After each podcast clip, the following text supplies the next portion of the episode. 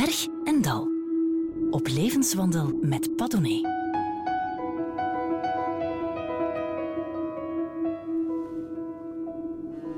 Acteur, zanger, theatermaker en taartenbakker Wim Obroek vind je deze dagen terug in zeeën en oceanen.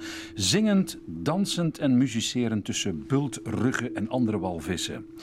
Hij maakt er een voorstelling over en volgende week is er het boek. Het lied van de bultrug. Dag Wim Obroek, zit je op een berg of zit je in een dal? Oh, ja. De titel van het programma is Berg en Dal, toch? Ik denk eerlijk gezegd dat ik samen met de wereld in een heel diep dal zit. Ja, dat denk ik wel.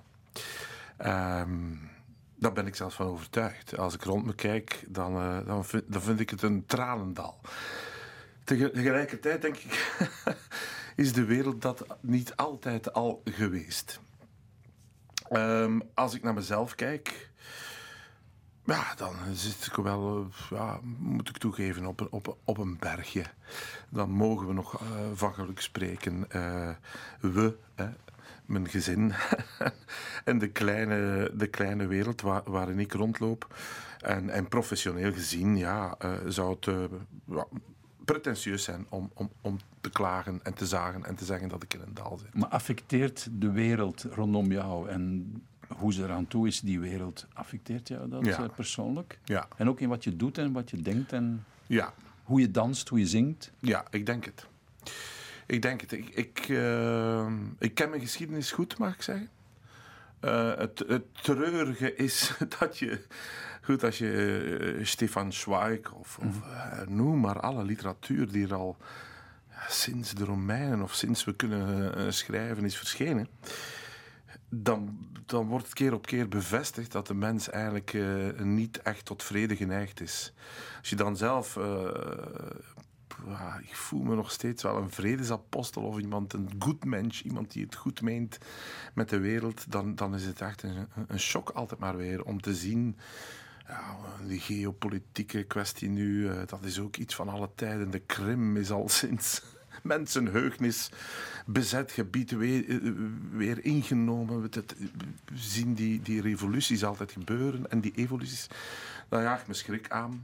Ik heb altijd al gezegd, ja, als je nu eh 18 eh, jaar was of jong eh, en we zijn in 1913, dan was je ook gejost. Bij manier van spreken was ook geen leuke tijd om te leven. Dus die oorlogen die ons steeds maar weer overspoelen. eh. Ja, ik had niet gedacht dat wij eh, eh, eh, rustig aan alles zouden ontsnappen. Hè? Zo naïef sta ik niet in het leven. Dus het, het, het infecteert me wel een beetje. Hoewel ik ook vind dat, dat, eh, dat de vrolijkheid in de kunsten, want dat is dan het medium waarin ik mij uit, de vrolijkheid of, of, of de ernst, beide kunnen nu wel op dit moment. Ik ben heel blij dat ik op dit moment in, in de zalen sta met een voorstelling die heel ja, troostend genoemd wordt, of, of, of eh, niet onmiddellijk eh, na één minuut een mop moet hebben. Ik ben de walvis, een, een moderne parabel eigenlijk. Ja, ja, soort, ja, Het, ja. eh, over, over het, ja, het, het, het onbereikbare wordt gezegd. Mhm. Maar ik denk toch ook vooral een, eh, een soort van alibi om toch maar desondanks te blijven zingen, te blijven dansen, mensen te blijven amuseren. Ja, dat is het ook. Ehm, dat is het ook. Een van. Ja, eh, on avant marge is zo echt wel een. een, een, een- ja, altijd vooruit. Immer eh, eh, goedmoedig voorwaarts of blijmoedig of heel positief denkend. Is dat het enige wat wij kunnen doen? Hè? Dus eh, wij, eh, wij, de niet-essentiële sector. Absoluut. Het enige wat we kunnen doen zijn die verhalen vertellen. Ik voel ook in de zalen dat, dat, dat, dat de mensen komen. Men gaat niet alleen op restaurant nu of terug naar de voetbal. Men komt ook massaal, vind ik toch, in de zaal zitten om, om zich weer te laten verwonderen met nieuwe verhalen. En misschien ook om bij elkaar te zijn gewoon. Ja, om, ja dat denk ik ook. Eh, eh, en om iets te beleven, om een, een soort... Ja, die magie is onverwoestbaar. Hè? Het is niet voor niks het oudste beroep ter wereld samen met de prostitutie. Eh, het zijn oude beroepen. Het, het, het zal niet zo vlug verdwijnen. Het zal steeds in een andere gedaante wel weer terugkeren. Maar het is voor mij... Ja, elke voorstelling is een alibi om... om, eh, om hoe ernstig het ook is, of dit is nu gemaakt, eh, ik ben de walvis onder de koepel van te gek, dat gaat over mentaal welzijn. Zelfs dan nog is er een zeker ja, duiveltje in mij dat zegt, de mensen moeten toch ook wel eh, ergens geëntertained worden. Je kunt geen genoeg krijgen van de walvis, want straks is er ook eh, het lied van de bultrug, een boek. Ja. Wat je met walvis hebt en met water, bij uitbreiding met oceaan en zee, daar gaan we het straks over hebben. Als je het goed vindt. Ik zou eerst even willen gewoon naar eh, het begin gaan. En eigenlijk ook een beetje voorlopig het einde, want Bavikhoven, daar Ja. kom je vandaan en daar ben je blijven wonen. Oh ja, eh Bavikhoven is een deelgemeente van Harelbeek. Hè. Dus, ja, ja, ja, dat is een, misschien ook een toevalligheid geweest of zo. Ja. Een toevalligheid. Je bent een Vlaming. Je kunt nooit of nooit onder die kerktoren vandaan geraken. Och, ah, maar kijk, de wereld is zo klein geworden dat we nu van onder die kerktoren alles zien. Ja, maar je blijft er toch. Ja, maar p- de- de- kijk, mijn kinderen die, die gingen naar school eh, in Gent op een gegeven moment. Dat zijn drie haltes. In New York. Drie haltes. In New York ben je nog in dezelfde wijk. Dus ik moet veel reizen. Ik ben heel vlug in Parijs. Ik ben heel Ja. vlug eh, in... Ik ben op een uurtje in Brussel. Als alles goed zit. Eh, nee, het toeval is dat ik eh, de vrouw en de liefde van mijn leven gevonden heb daar. En zo... Dat is eigenlijk een, een toeval. Hè? Dat is een samenloop der omstandigheden geweest. Eh, en daardoor zijn we daar gebleven. Jouw, jouw vader. Hè? Mijn, en ik vraag het niet gratuit, denk ik. eh, mijn ervaring is, na duizenden keren dezelfde vraag te hebben gesteld, ehm, dat, dat waar je vandaan komt en waar je bent opgegroeid bepalend eh, is voor eh, wat je verder doet. Is het, eh, ja, is het belangrijk geweest dat jouw vader bijvoorbeeld een, een vakbondsman was van de rode signatuur? On guérit jamais de son enfance, dat is het eigenlijk. Hè. Ja, is dat belangrijk geweest? Ik ben blij dat ik dat wel heb gekend eigenlijk. ja, om een zeer geëngageerde, ja, rechtvaardige socialist vond ik het wel. Eh, eh, ja, dat syndicalisme, dat zat meer in het onderwijs, eh, in die... ja, het rijksonderwijs is me wel heel dierbaar. Mijn vader was daar een voorvechter van eigenlijk. Waarom is dat rijksonderwijs mij zo dierbaar? Omdat ik het onverdraaglijk vind eigenlijk dat wij nog al die netten hebben. Ehm, ik ben pluralistisch opgevoed, dank u wel. Heel humanistisch opgevoed. maar wel in nog een heel erg katholiek West-Vlaanderen toen. Hè? Absoluut, ja. ja, ja. Dus was je daar een beetje een eh, outcast? Goh, niet in de kringen van het rijksonderwijs. Want daar, waarom dat heb je outcast? zo vrijzinnige ayatollahs bestaan ook. Hè. Ja, ja, ja, die bestaan ook, hè, die geen kerk zeker. willen binnenstappen. Als Zeker. ik zeg pluralistisch, dan ben ik eigenlijk maar gelukkig door een ja, heel open-minded eh, eh, opgevoed. Ik zag mijn vader dat ook doen. Eh, iedereen was welkom. Dat was toen nog de tijd, hè, jaren 70 of 80. Was de tijd dat men nog bij de schepen moest langskomen om vast benoemd te Absoluut. worden als je eh, leraar of betrekking. Noem het, Ja, dat was, alles. Ah, met een fles wijn is meneer Omroep niet thuis. En dat waren dan soms gasten van de scouts die ik ken. Maar ik- om maar een voorbeeld te geven, ik, mocht, ik was bij de scouts en tegelijkertijd bij de mutualiteit der jonge, de mutualiteit der jonge arbeiders. Dus ik, ik ken en het avondlied van de scouts, O Heer David is neergekomen, en, en de internationale op 1 mei. Eh, deze heugelijke dag heb ik toch wel vaak eh, met, de, met de linkervuist, de vuist, de kant Ja? van het hart. Ja, ik vond dat ontroerend om te zien. Maar ik vond alle rituelen ontroerend. Ik, ik, ik ging Liep, liep jij in de 1 mei tocht? Ja, absoluut, Met, ja, ja, ja. met de rode vlag? ja, Ontwaakt, eh, verworpen in der der aarde, ontwaakt, de Ja? vrijheid is nabij. En ik, ik, ik, ik zag dan mannen, echt, eh Harelbeek is een, jarenlang, dat is nu allemaal aan het veranderen. Uiteindelijk, ja, die vraag van Pavikoven, dat is aan het veranderen. Je krijgt veel nieuwe Belgen, je krijgt veel instroom, je krijgt veel... En, maar vroeger was dat eigenlijk nog, nog een bastion van metsers en vechtersbazen. Ja. En die zware mannen die dan, eh, die stoere, eh, eh, ja, rode sossen eigenlijk, die, die huilden dan.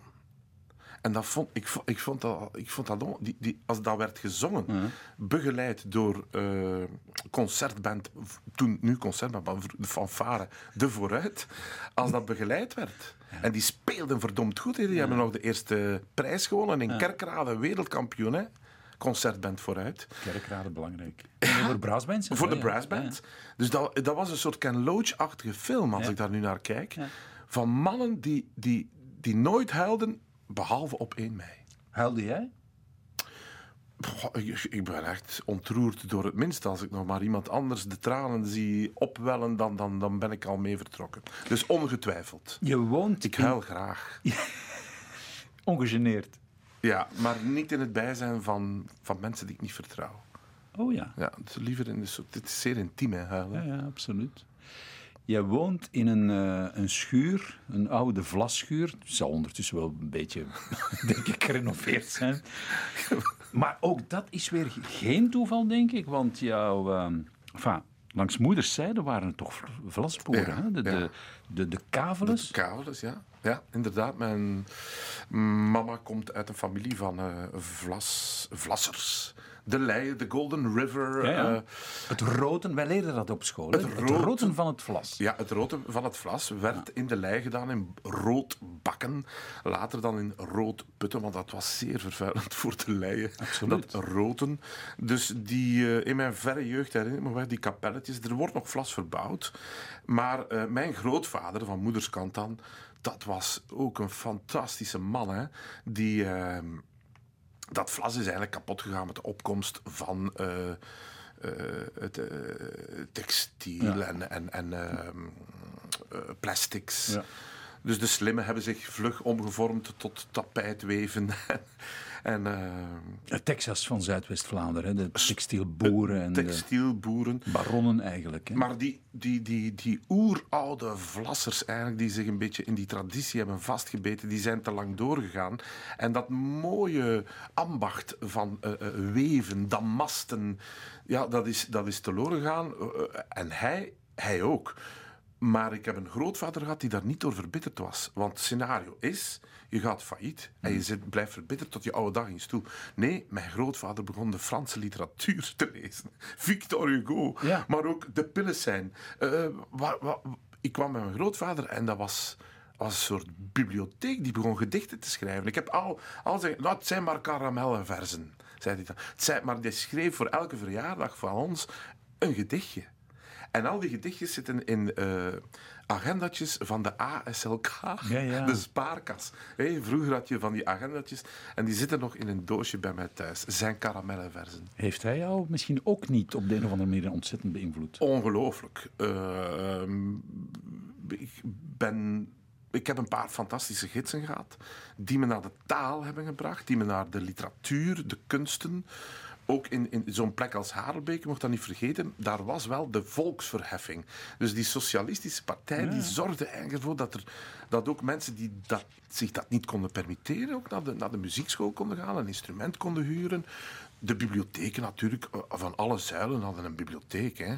Dus ik ging dan naar al die bibliotheken. En bij de, bij, ik ging ook bij, bij de CVP, dat- maar daar mocht ik Louis Polboon niet meenemen. Dat, Klaus en zo, dat stond daar op de zwarte lijst. Ik kan niet geloven. Chef Gerards ook natuurlijk. Hè. Ja. Maar ik wist niet dat je van Pleistocene eh, afkomstig was. was het zo erg? Ja, het was toch erg. Wim Opbroek. Ja, eh, taal, daar wil ik het met jou ook over hebben. Want ik denk dat we allebei gepokt en gemazeld zijn door de taal. Misschien er wel eh, uit opgetrokken zijn. Ehm, je bent een, een ras-echte verteller. Hè? Ik bedoel, ja, in alles wat je doet staat het verhaal voorop. Denk ik. Ja, dus iedereen zegt altijd, of kleeft op mij het etiket artistieke duizendpoot. Dat is zo een dooddoener. Dat is niet altijd vriendelijk bedoeld, denk Nee, ik, in ik vind dat ook. Ik, ik hoor dat, ik hoor dat eigenlijk niet zo graag. Maar goed, het is nu wel zo. Ik ben een, een kind van het vernieuwd secundair onderwijs. Daar wijd ik het aan. De, daar is de nieuwe renaissance geboren in Vlaanderen. Maar, ehm, Was dat niet vader de Croo? Ja, het VSO. Het VSO. Maar dat was fantastisch, want de, de jongens moesten meisjesopdrachten doen en de meisjes moesten jongensopdrachten doen. Dus ik vond het geweldig om te macrameën en fruitsalades te maken. En de meisjes moesten dan ook iets in elkaar lassen. Het, het ging allemaal door elkaar. En daardoor... Breien. Brein vond ik ook zalig. Vreselijk vond ik dat. Ik heb echt... Oh, pijnlijk, gênant. Ja? Ja. Ja.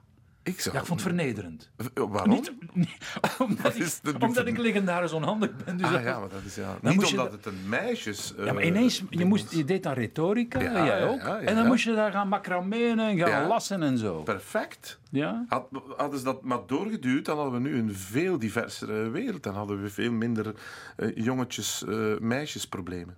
Daar ben ik van overtuigd. Maar afgezien van de jongens en meisjes, misschien ook handige denkers. Handige denkers. Ben jij een handige man? Sorry. Nee, ik had ook kunnen vragen, ben jij, een- ben jij een denker? Maar dat, dat zou passen. Ik ben helemaal van de taalvraag afgeweken. Nee, Pardon. dat is waar. We gaan eh, terug naar de, de taal. De taal. Ja. Verteller in alles wat je doet. Ja, dat wou ik zeggen. Eigenlijk, ik doe veel. Maar op mijn diploma, ik ben afgestudeerd meester in de toneelspeelkunst. Met hoge onderscheiding.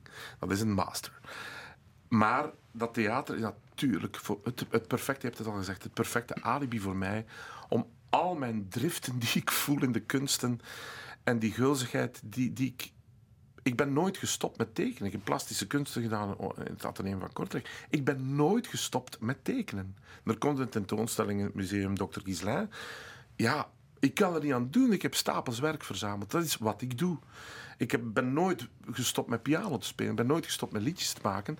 En dat theater de laatste jaren, het theater wat ik maak is voornamelijk muziektheater. Er wordt altijd wel in gezongen. Ja, dan is het mooi meegenomen dat je dat hebt geleerd, dat je noten kan lezen voor een stukje. Maar ik heb toch het idee dat hier in Vlaanderen veel meer dan bijvoorbeeld in de ons omringende landen, Frankrijk om maar iemand of iets te noemen, dat dat een beetje verdacht wordt gemaakt. Als je te veel dingen doet en schrijven en zingen en dansen en acteren en schilderen. Gabin, Yves Gabin, Yves Montand, Ja. Jean Gabin, Jean, Yves Montand, absoluut. die hadden perfect.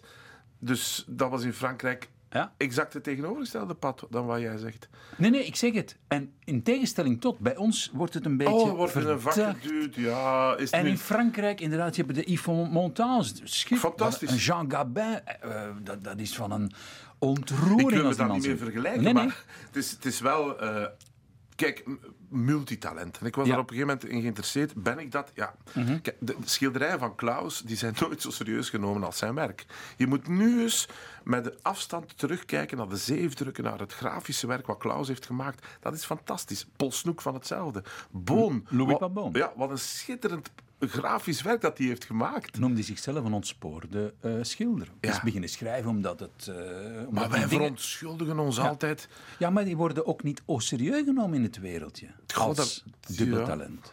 Ja, ja. Het is ook, daar is een risico aan. Hè. Je kunt, daarom noem ik me altijd wel in de eerste plaats inderdaad een verteller. En, en, en al die dingen die ik doe, straks ook die tentoonstelling, daar zal interactief iets gebeuren. Daar zal ook, ook toen ik afstudeerde op dat met mijn eindwerk, ja, dat was een happening. Hè. Ik was verzot op de happenings, op Wolf Hostel, op de Fluxusbeweging. Dat zat altijd een heel theatrale kant in. Dus ik weet wel, ik ken mijn plek wat dat betreft. M- maar ja, ik, ik, eh, ja ik, ik, ik, ik, ik doe die dingen Graag. graag en ook op dagelijkse basis. Het is niet een hobbytje. Nee, nee. Wim Opbroek. Acteur, zanger, theatermaker, ta- tabakker enzovoort enzovoort. Ik bak geen taarten, hè? Je laatste bakken. Ja, exact. De Berg van Licht, dat is een roman van Louis Couperus. Je hebt hem meegebracht. Je hebt, eh, zoals elke gast hier, eh, mag je boeken meebrengen. Waar Ja. mag dat nog? Waar kan dat nog? Uit 1905. Het gaat over Heliogabal, Ja, Romeinse kindkeizer. ja. Je hebt die gespeeld. Ja, ik heb ooit eens een kindkeizer gespeeld. Eh, Nog niet zo heel lang geleden, 15 jaar geleden. Dan was je toch al behoorlijk wat. dan was ik al behoorlijk uit de kluiten gewassen. Toch geen Pardon, kind meer, hè? Nee, absoluut niet. Maar ja, dat is natuurlijk mooi aan het theater. Hè? De illusie. Dat is waar. Dat was een mooi project eigenlijk met de Flat Earth Society. Ehm Heliogabalus, die kindkeizer, en Peter Vermeers, die vroeg me... Dat was een project voor de Roertriennale met Roy Faudré. We hebben dat dan later met Jos de Pauw nog eens hermaakt in toneelhuis. Ehm, en als eh, ja, research botste ik op dit boek. Ik heb Nero ook gespeeld ooit eens, in een tekst van Peter Verhelst. Fantastische monoloog was dat. En dan, dan, dan bijt ik me daarin vast als een pitbull. Ik wil er dan alles over weten. En eh, Peter Vermeers, die tipte me dit boek van Louis Couperus. En voor, dan komt die vraag altijd... Ja, je mag drie fragmenten kiezen of drie teksten. Bij mij is dat dan... Moeilijk. Ja, moeilijk. Ja, heel, dat is een fantastische vraag. Hè. Dus ik heb, al, ik heb nu al lijstjes klaar. Hè. Voor als die vraag komt. Hè. Noem eens je top drie films of je top 10. Om anders, ik, dat zijn slapeloze nachten. Ik pak, ik pak dat heel ernstig. Dat Ja. is voor mij een heel ernstige vraag. En Ik ben blij dat je het ernstig hebt opgenomen. ja, en eh, de- in alle literatuur waar ik dan zo van houd, waar in godsnaam dan te beginnen? En ik heb nu niet zo een 1, 2, 3. Er zijn altijd wel dingen die terugkomen. Maar dan voelde ik al wel een beetje ja, berg en dal, taal. Ehm, en ik las dat boek toen Peter het me gaf, Peter Vermeer van de Flat Earth Society. En dat is dus werkelijk een tsunami, een soort taaldiarree, als ik het mag zeggen. Maar voor iemand die van taal houdt, voor de luisteraar die daar nu eens wil in gaan duiken, is het een soort taal die ik ook mis. Ik mis soms nu de, de veelheid. De, de, het, de fiorituren, het, het barokke. De, De overdaad. De overdaad, het zwelgen in taal. De, wat Tom Lanois ook soms kan. Of zo, de, de Ilia Leonard Pfeiffer. Ik lees even graag goed ook de minimalisten. Maar ik lees toch ook wel heel graag volle zinnen. Lange, lange on- onbegrijpelijke taal. Eh, Bijvoorbeeld zo iemand zoals Pierre Robier. Ja, ja. Ik lees dat eigenlijk graag. Ja. Lees ik dat vaak? Nee, je moet het niet te vaak lezen, maar af en toe eens degusteren. Ik lees dat ook niet in één. Maar, maar soms pak, kan ik dat nog eens ter hand nemen en dan, dan denk ik, wie schrijft nu nog zo'n zin? En ik heb dat ook met de, de kleine Johannes bijvoorbeeld. eh, de- Frederik van Eden. Frederik van den Ede. Van Ede. De, die, die, die, die zinsopbouw, d- dat is zoiets wat, wat weg is, wat, wat, wat niet meer gemaakt wordt zoals, ja, zoals je een oude goede wijn opendoet of, of, of oude muziek beluistert. Wim. Opbroek, jij gaat lezen uit De Berg van Licht van Ja. Louis Couperus. Er zitten behoorlijk wat... eh, ja, het zit vol esthetisch hedonisme eigenlijk. En behoorlijk wat verwijzingen naar homoerotische liefde. Ook. Ja. Was Louis Couperus misschien? Jawel. Ah, ja. Jawel. Maar toch getrouwd, hij was getrouwd. Ja, ja, maar hij was eh, de herenliefde niet eh, ongenegen. Niet ongenegen. Ja. Ah, kijk. Ja, maar Eh, dat spreekt uit dat hele boek. Ja. Is een soort homo-erotische ja, lofzang eigenlijk. Het is prachtig daardoor, vind ik het ook. En dat decadente Rome komt Oh. eigenlijk tot leven. Hè? Heerlijk. Hij is, was geen lang leven beschoren, hè, Heliogabalus. Eh, Nee, nee, hoe oud is het? geworden? Op 14, 15, sla me dood, is hij keizer geworden. En, dan? ik denk vier jaar later is hij op een gruwelijke manier vermoord. En hebben zelfs de Romeinen ook alles gewist. Men wou niks meer. Het was echt een, een vreselijke puber moet het geweest zijn. We luisteren naar jou. Uit Oké. eh, Couperus, Wim Opbroek. Ja, hier gaan we. De keizer treedt uit de curia tevoorschijn en het volk aanziet hem als een lachend kind. Wat kijkt hij blijde en wat is hij jong. Hij is niet meer dan een kind en toch draagt hij zo fier en verheugd zijn mitra en van zijn heel smalle schouders zingt de metaalzware en gemstijve mantel een zwaarte die wellust hem is. Klokken rondom hem heen door de priesters gebeurd, zodat zij hem zien treden met de ceremoniepas van zijn wel heel hoog geschoeiden voet, sierlijk en als van een vrouw klein. Terwijl hij de trappen afgaat, bespieden zij die het dichtste zijn, zijn naaktheid, uitblinkende tussen de open splijten en mantel. Maar hem vangt een grote schulp van juweel het lid, en over zijn borst daalt neer een snoer van monsterpeerparelen. Heel duidelijk is iedere parel als een fallus gevormd. En de overdaad van het symbool maakt opgewonden je het aanziet. Wat is hij blijde en wat is hij jong en mooi. Goden, wat is hij mooi. Hij lacht. Hij lacht als een kind. Hij lacht als een gelukkig kind. Het schijnt dat hij in Messa vergeten is. De zonnetempel hem dierbaar en nu, ach, gesloten. Daar waar de vergeten pauwen in de parken krijsen en sterven. Weemoedig, ongevoederd gelaten. Goden, wat is hij mooi. Hij is zo mooi en zo lief om aan te zien, als alleen een God kan zijn. Een half God minstens, als nooit nog was een mens.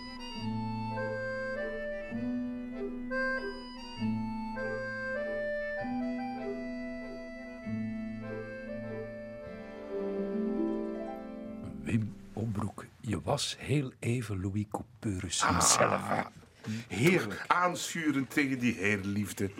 Dat zeg ik. Nee, de taal. Wat heerlijk. Dat is toch zalig. En zo gaat het eindeloos door. Hè. Het, is, het is een bad waar je... Ja. het blijft warm hoor, dat bad, tot op het einde. Dat is eigenlijk een soort van rapper hè, in zijn tijd. Vind je? Wel, maar dat vind ik met veel... Het is op een gekke manier ehm, ontdek ik de laatste, ja, laatste tijd de oude teksten, maar onze oude teksten. Dat was eigenlijk ook wel heel bewust. Ik wou niet eh, Thomas Mann de Toverberg, bijvoorbeeld. Dan had ik nu een perfect... perf- dan had ik tien Ja, ja. perfecte eh, eh, teksten uit kunnen, fragmenten uit kunnen kiezen. Maar ik wou... Oh, dat klinkt nu eigenlijk zelfs een beetje ja, nationalistisch zeker, maar onze eigen taal is Maar eh, dat heeft daar niks mee te maken. Wat is dat? in het licht. Nee, dat heeft Trots, inderdaad taaltrots. Maar Gezellen bijvoorbeeld, herlees dat. En Ge- Gezelle is de Vergilius van de Lage Landen. Ah, ja, op zijn minst. Wim, ken jij Tom Lehrer? Hij leeft nog. Hij is 94 intussen. Die ken ik niet. Ik dacht dat jij zo gepokt en gemazeld was door de muziek. Encyclopedische kennis Ja. stopt ook ergens. Hè? Maar, eh, nee, dat, dat, dat verras je me nu mee. Tom misschien als ik het maar ik... Nee, je verrast Hij me. is, hij is eh, een, een satiricus, een wiskundige en een muziekmaker. Satiricus is Ja. altijd goed. Jawel, en hij bijvoorbeeld eh, was jarenlang verbonden, schreef liedjes voor That Was The Week That Was. Maar dan de Amerikaanse. En hij zei eh, op een bepaald moment... Waarom zijn die liedjes zo populair? Die waren in de jaren 60 eh, heel populair. Voorspel altijd het ergste en je zult als een profeet worden bejubeld.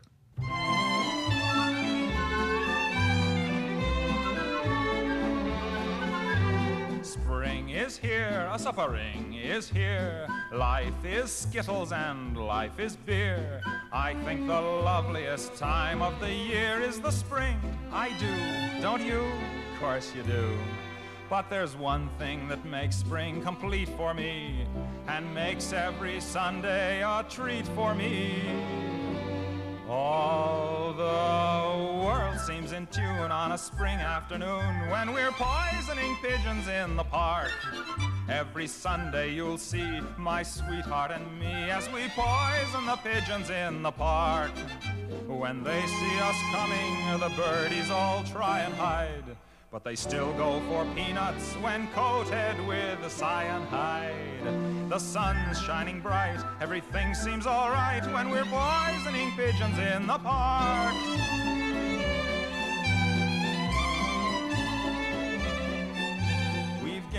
Notoriety and caused much anxiety in the Audubon Society with our games. They call it impiety and lack of propriety and quite a variety of unpleasant names. But it's not against any religion to want to dispose of a pigeon.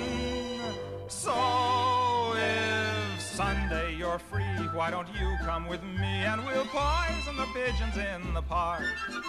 And maybe we'll do in a squirrel or two while we're poisoning pigeons in the park. We'll murder them all amid laughter and merriment, except for the few we take home to experiment. My pulse will be quickening with each drop of strychnine we feed to a pigeon. It just takes a smidgen to poison a pigeon in the park. Voilà, Tom Lehrer, Poisoning Pigeons in the Park. Gewoon zijn vergiftigde dieren. Geweldig. Die vliegende ratten. Ja, vind je het leuk? Vliegende ratten, eh, duiven zijn de ratten van de lucht. Ja, ik vind het heerlijk. Eh, het doet me een beetje denken aan het zalige sarcasme van Randy Newman. Die Ja. kan dat ook. Short Ja, People heeft ook zoiets. Maar eh, ja, heerlijk. Wim Obroek, ik ben een acteur, zeg je, die verhaal wil vertellen. Een ouderwetse potsenmaker, een prutser die maatschappelijk relevant probeert te zijn. Maar ik ben geen militant, geen activist. Nee. Ook niet die van de taal bijvoorbeeld. Wel, ja, absoluut. Activist. Als het mijn kunst aangaat, dan, dan ga ik wel op de barricade gaan staan. Niet alleen voor mijn kunst.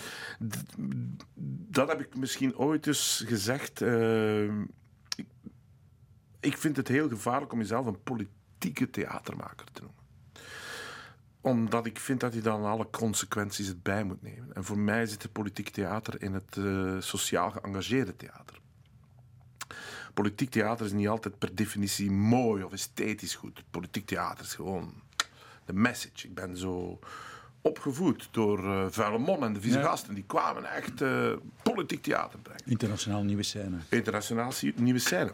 Was en plus dan ook nog eens heel goed. Absoluut. Um, maar ik, ik, ja, ik voel wel in alles, denk ik, wat ik doe, een, een, een groot uh, engagement aan de maatschappij toe. Dus uh, dat wel. Maar je kunt toch niet als theatermaker of als zanger of hoe je jezelf ook wil noemen, onbekommerd blijven over wat er in de wereld gebeurt. En ga je daar dan ook niet ja, een standpunt over innemen? Eigenlijk doe je dat zelden. Doe ik datzelfde? Ja, je, je bent niet iemand die op de barricades gaat staan. Ja, wanneer zijn er barricades? Nu, nu, nu moeten er barricades uh, misschien komen. Ik heb uh, wel, wel al vaker op de barricade. Maar ja, barricades in deze tijden, god beter het pad barricades. Ja, moeilijk? Moeilijk. Uh, in het landje waarin wij leven, ik wel altijd, ja, toch. Laat het maar nu zeggen, om mijn. Hè, het is mijn verdomde plicht om op te komen voor, voor mijn vak. Dat doet iedereen. Dat is die syndicalist in mij.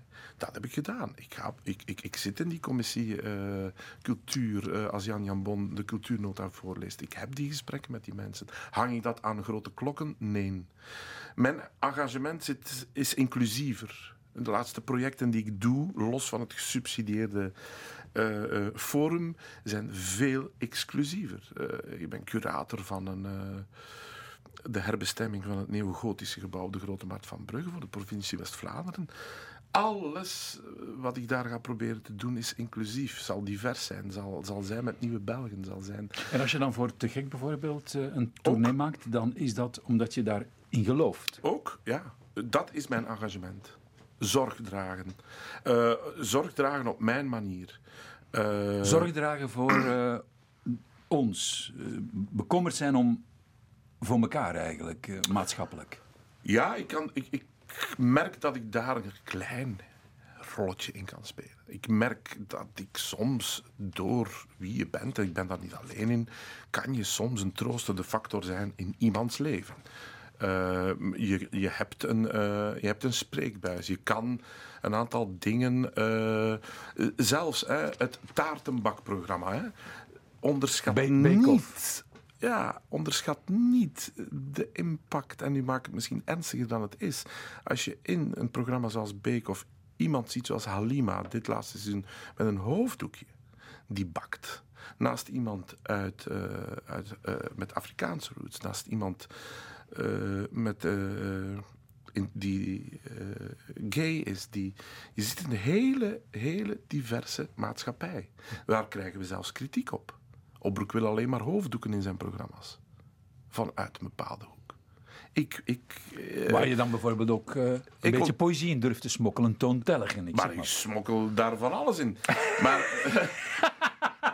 maar ik hang mijn engagement niet aan grote klokken. Ik ga het nu wel doen. Ik heb een Syrische jongen ontmoet door een project in het Atheneum van Kortrijk. Is dat allemaal wereldkundig te maken? Nee, maar het is wel belangrijk voor de dingen die ik doe, zijn echt ik, ik, ik, dat, die jongen wil fotograaf worden, die is daarmee bezig, ik ondersteun dat. Er is een andere Afghaanse jongen die ik heb leren kennen door dat project. Wij worden, wij, er is een soort vriendschap ontstaan. Ik mag een krant maken, de krant van West-Vlaanderen, en het, het hoofditem op de cultuurpagina is Ahmad Jaar met zijn boek en niet een een ander. Weet je, dat is mijn engagement. En dat is het enige wat ik kan doen. Dat is, een, dat is de wereld waarin ik wil leven en de wereld waarin ik geloof. Die is niet alleen maar troostend, hoor. Ja, ja, ja. Maar om jezelf een beetje te parafraseren. Um, soms lijkt je wel met permissie een rondhossend Duracell-konijn dat een zittend gat een horreur vindt. een zekere ADHD is mij niet vreemd. Maar het is ook energie. Hè? Word je daar niet moe van, Wim? Nee, nee. Maar je hebt eens een onbewaakt eh, moment laten vallen. Goh, het vooruitzicht van een pensioen, dat lijkt me wel lekker. Dat vooruitzicht is er gekomen in de realiteit. Plotseling die stilstand mee te maken, eh, heel even. Dat was toch het sabbatical waar velen van droomden, maar nooit durfden te nemen. Plotseling eh, dwingt de wereld je tot stilstand, iedereen. Toen, toen het algemeen was, kon ik me daar heel goed in schikken. En dan kreeg je zo'n vooruitzicht van... Ja, goh, maar kijk, als je het u kunt permitteren... en je hebt al... Je kan op iets terugblikken. Je hebt een, eh, een carrière achter de rug. Ja, wees blij. Count your blessings. Dat overviel me heel erg toen. Nu, blijf nu, ik nu niet meer? Ben je, ben je daarvan afgestapt van dat Count Your Blessings? Nee, dan blijf ik... Ik blijf dat wel huldigen. Als je dat niet meer kan, dan... eh, Wie, wie, wie zou het dan nog wel kunnen eigenlijk? Ja, wie zou het dan nog wel kunnen? Dus je moet je zegeningen tellen. Je moet je zegeningen tellen. En dat blijf ik altijd maar doen. Alleen, eh, ja, ik, herha- ik herhaal me daarin. Ik, ik, ik f- heb altijd gevonden, als je in de tijd van de Franse Revolutie of in de middeleeuwen of in de, de tijden zijn eigenlijk altijd zwart geweest. De, de tijden zijn altijd. eh, de, eh, Je hebt er al even naar verwezen, hè? de Grote Oorlog 1914, Ja. 1918, jou niet onbekend. Niet alleen omdat je daar een beetje in de buurt eh, bent Mhm. opgegroeid, maar vooral ook omdat je ambassadeur bent geweest hè, voor grote projecten daar. En je hebt in oorlogstijd meegebracht van Stijn Streuvels. ja. Ehm, goh, ik, ik had het nu mee. Ik ben het kantoor laten liggen. Ja. Voilà, je hebt het. Ehm, Dagboek, hè? Weet je wat mij verbaasde bij het lezen van Streuvels? Onlangs is hier ook weer uitgegeven. Ja. eh, in het privédomein. Ja, ja. Zijn dagboeken. In Gooichem. In Gooichem. Heb je dat Ik gelezen? heb dat gelezen, ja. Weet je wat mij zo verbaasde? Dat, Vertel. dat die... Wat een contemporaine schrijver is dat. Die heeft met dingen bezig ook. waar ik ook mee bezig ben. Ik vind dat ook. Bijvoorbeeld over... ehm, ja, ehm, als, hij, als hij zijn woning, daar, het lijstennest gaat bouwen, hoe, hoe, hoe hij toch bezig is met... Ja, toen kon dat nog zonder papieren, zonder... eh, er was geen stedenbouw of zo, die zitten daar. En tegelijkertijd vraagt hij zich af, maar... Ja, is dat wel gepermitteerd dat ik daar ga wonen? Ja. In de- eh, onder de velden en dat soort dingen. Dus een, een maatschappelijk betrokken man en schrijver. Dat was hij ook. Hij was ook heel ja, nieuwsgierig, uiteraard, als schrijver. Eh, heel erg verwonderd door de wereld. Ehm, dat, dat valt me ook op. Hè. Leven en dood in de nast. Laat ons dat werkelijk als een meesterwerk bestempelen, maar ook langs de velden. Eh, daar zit in die taal iets waar ik me ongelooflijk in herken. Dat is prettig thuiskomen. Dat is echt de taal die wij daar spreken. Maar die oorlogsdagboeken, daar was ik al een tijdje mee bezig. Omdat Streuvels op een gegeven moment ook ja, zo wat verdacht werd. Hij, We- hij had dan dat inkwartieren van die Duitse soldaten. En hij schrijft daar, dat is niet het fragment dat ik gekozen heb, maar hij schrijft in die dagboekfragmenten helemaal op- het einde daar een vlammend betoog over gastvrijheid. Wat had ik dan moeten doen? En hij krijgt kritiek, en dat wist ik niet, van journalisten of van, of van politici die het land uitgevlucht waren. Hij is gebleven in Vechten en in Gooichem. Hij is daar gebleven. En toen kwamen daar Duitse officieren. Ja, die werden ingekwartierd eh, nagelang. Als je officier was, dan, dan werd je bij de dokter of bij de notaris of bij de beroemde schrijver. En hij schrijft, ja, ik had gesprekken in één keer over over Goethe, over Johann Sebastian Bach, met mensen die aanständig waren, voornaam. Dat- wat moet ik dan. Dus dat is een heel. Die moraal van, van. Als je het niet hebt meegemaakt, een vluchteling in huis nemen. of de vijand die je bezet en hoe ga je daarmee om. Wik dan in godsnaam je woorden. Dat is wat ik wil zeggen. Als je dat nooit hebt meegemaakt. en, en je krijgt een heel. helder inzicht. En in, vooral in zijn... Hij beschrijft ook heel liederlijk en landelijk het leven, zoals Tolstoy het deed over het maaien en het zaaien en, en die dingen. Heel volkse dingen. Maar ook als hij dan alleen in dat huis zit en wat jij zegt, zijn, zijn pensées over, over, ja, over de tijd waarin hij leeft. Het contemporaine daaraan. Het hedendaagse. Ja, dat vind ik... Het is een pleidooi van... Kom, blaas even het stof eraf en her- herontdek het. eh. Wil jij het stof even eraf blazen? Graag. Van, eh, in oorlogstijd van Stijn Streuvels. Ja, het is een, eh, dagboekfragmentje. We zijn in 14 en we zijn op het einde van het jaar. En daar, daar wordt hij altijd bevlogen door een soort ja, bedenkingen en... en, en een beetje melancholie, hè? Melancholie ook, ja. Precies, ja. En een durf terug te blikken. En, en ja. Durft, ja, zoals wij allemaal rond die periode van het jaar doen. Misschien nu in de lente iets moeilijk, maar goed. Eh, dus we staan er aan het begin van een grote omwenteling. Die, die grote oorlog, die, die vreselijke catastrofe.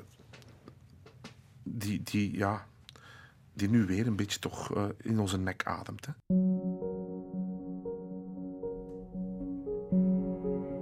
Als we spreken van de heerlijkheid en de grootsheid van deze oorlogstijden, is het om het besef te wekken van het gewichtige der gebeurtenissen waarvan deze dagen vol zijn, zodat men ze meer dan historisch zou mogen noemen. Time is out of joint, zegt de Hamlet. Daar is een tijd dood te slaan en de ene tijd te genezen. Beter een levende hond dan een dode leeuw, roept de vreselijk cynische pessimist Ecclesiastes.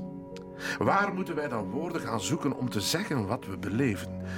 De overmaat zelf van rampen en ellende, de omkanteling van al hetgeen we als zedelijke wet en waarborg van geestelijke waarde maatstaf als band in de samenleving kenden, de totale verwarring van recht en onrecht, de gruwelen die een mens rillen doen van afschuw en medelijden, die algehele losbandigheid der driften heeft haat doen ontstaan en liefde ontstoken, maar het ene zo hevig als het andere. Alle middelmaat is weg uit de wereld. Bij de ene is het een aanleiding geworden en geeft het gevoelens gewekt van grandioze edelmoedigheid en opoffering, waar het bij de andere gegaan is alsof hij er slechts op wachtte naar deze uitzonderlijke gelegenheid om dingen uit te halen die nooit iemand tevoren had durven bedenken. De gemoedsbewegingen bij de mensen kennen nu hoogten en laagten die vroeger nooit bereikt werden. En wie deze oorlogstijden beleefd heeft, staat voor een chaos die denken doet aan een der voortekenen van de ondergang der wereld. Daar slaat het twaalf uur. Het nieuwe jaar begint.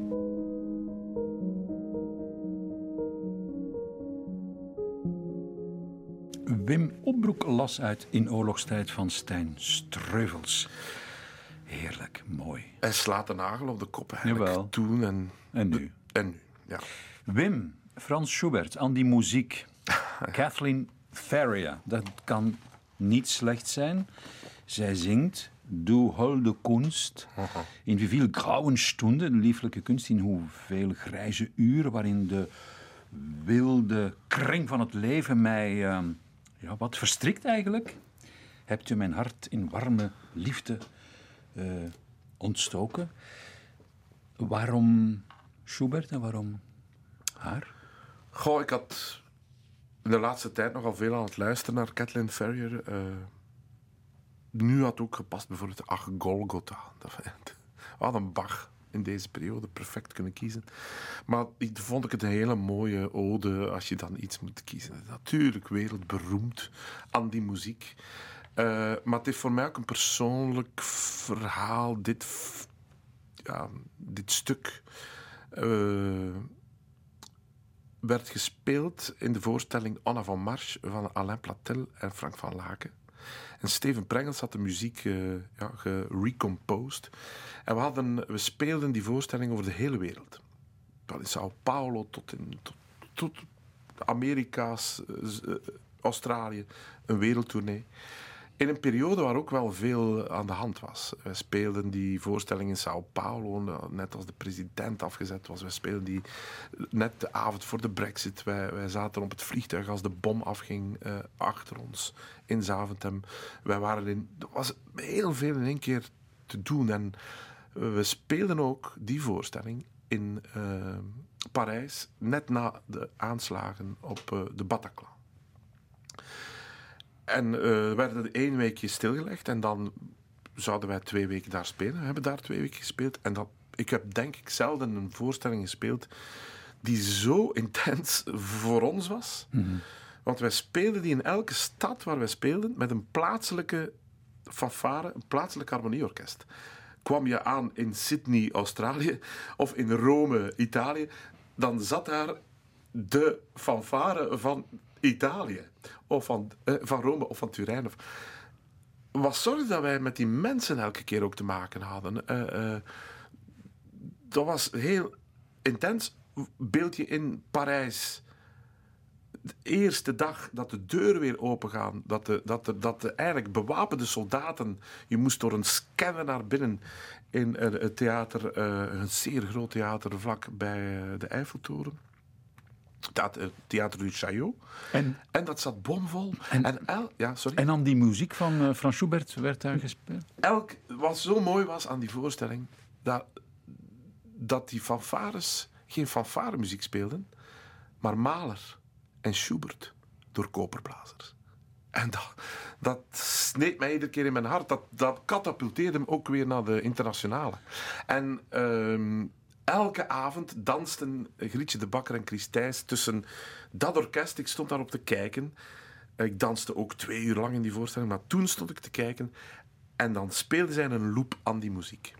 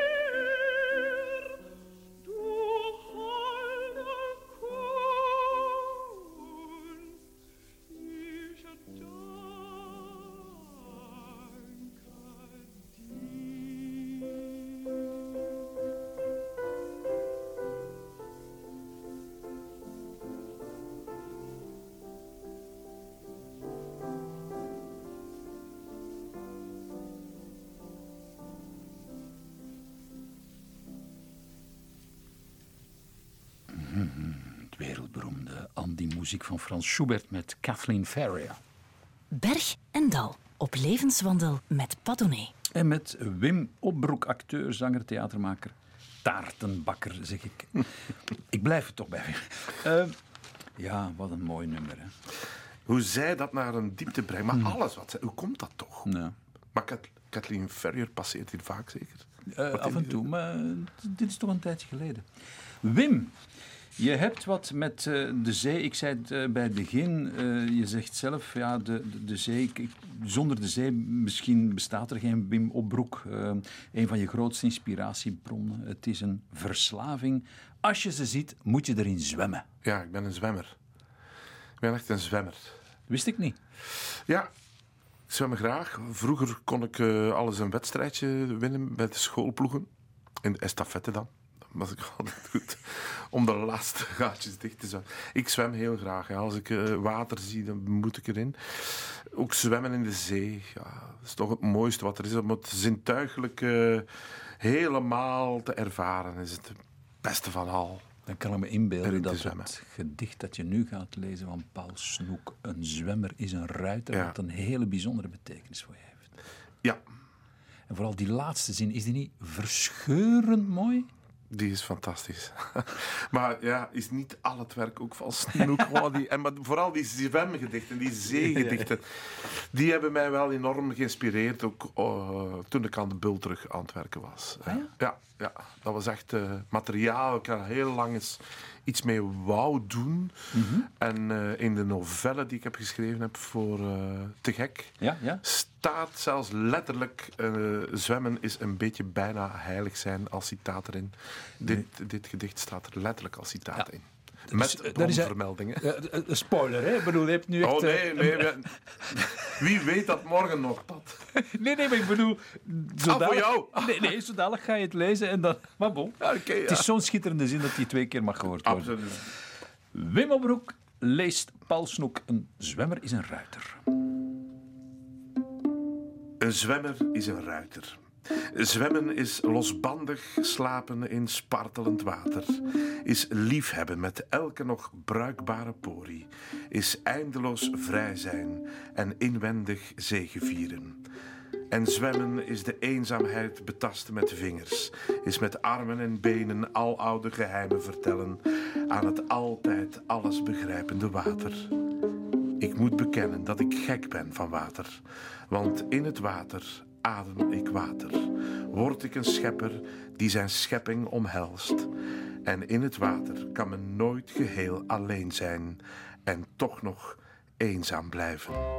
Zwemmen is een beetje bijna heilig zijn.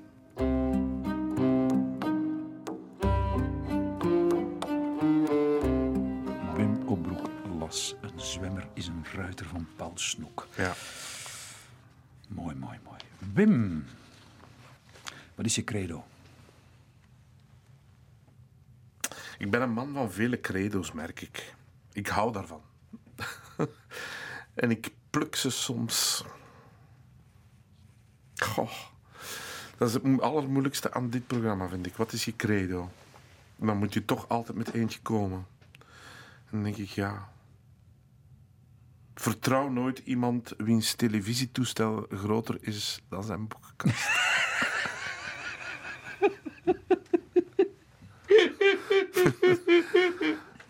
ja, ja. Misschien. Het komt niet van mij. Ik heb het ooit ook eens ergens uit de lucht geplukt hoor. Mooi. Maar klopt het niet een beetje? Van. Hangt ervan af welke boekenkast het natuurlijk is. Ja, welke televisie. La, la, la, la. Ik ga die boven mijn bed hangen. Ja. Mooi. Vertrouw nooit iemand ja. wiens televisietoestel groter is dan zijn boekenkast. Maar uh, give peace a chance, oké. Okay.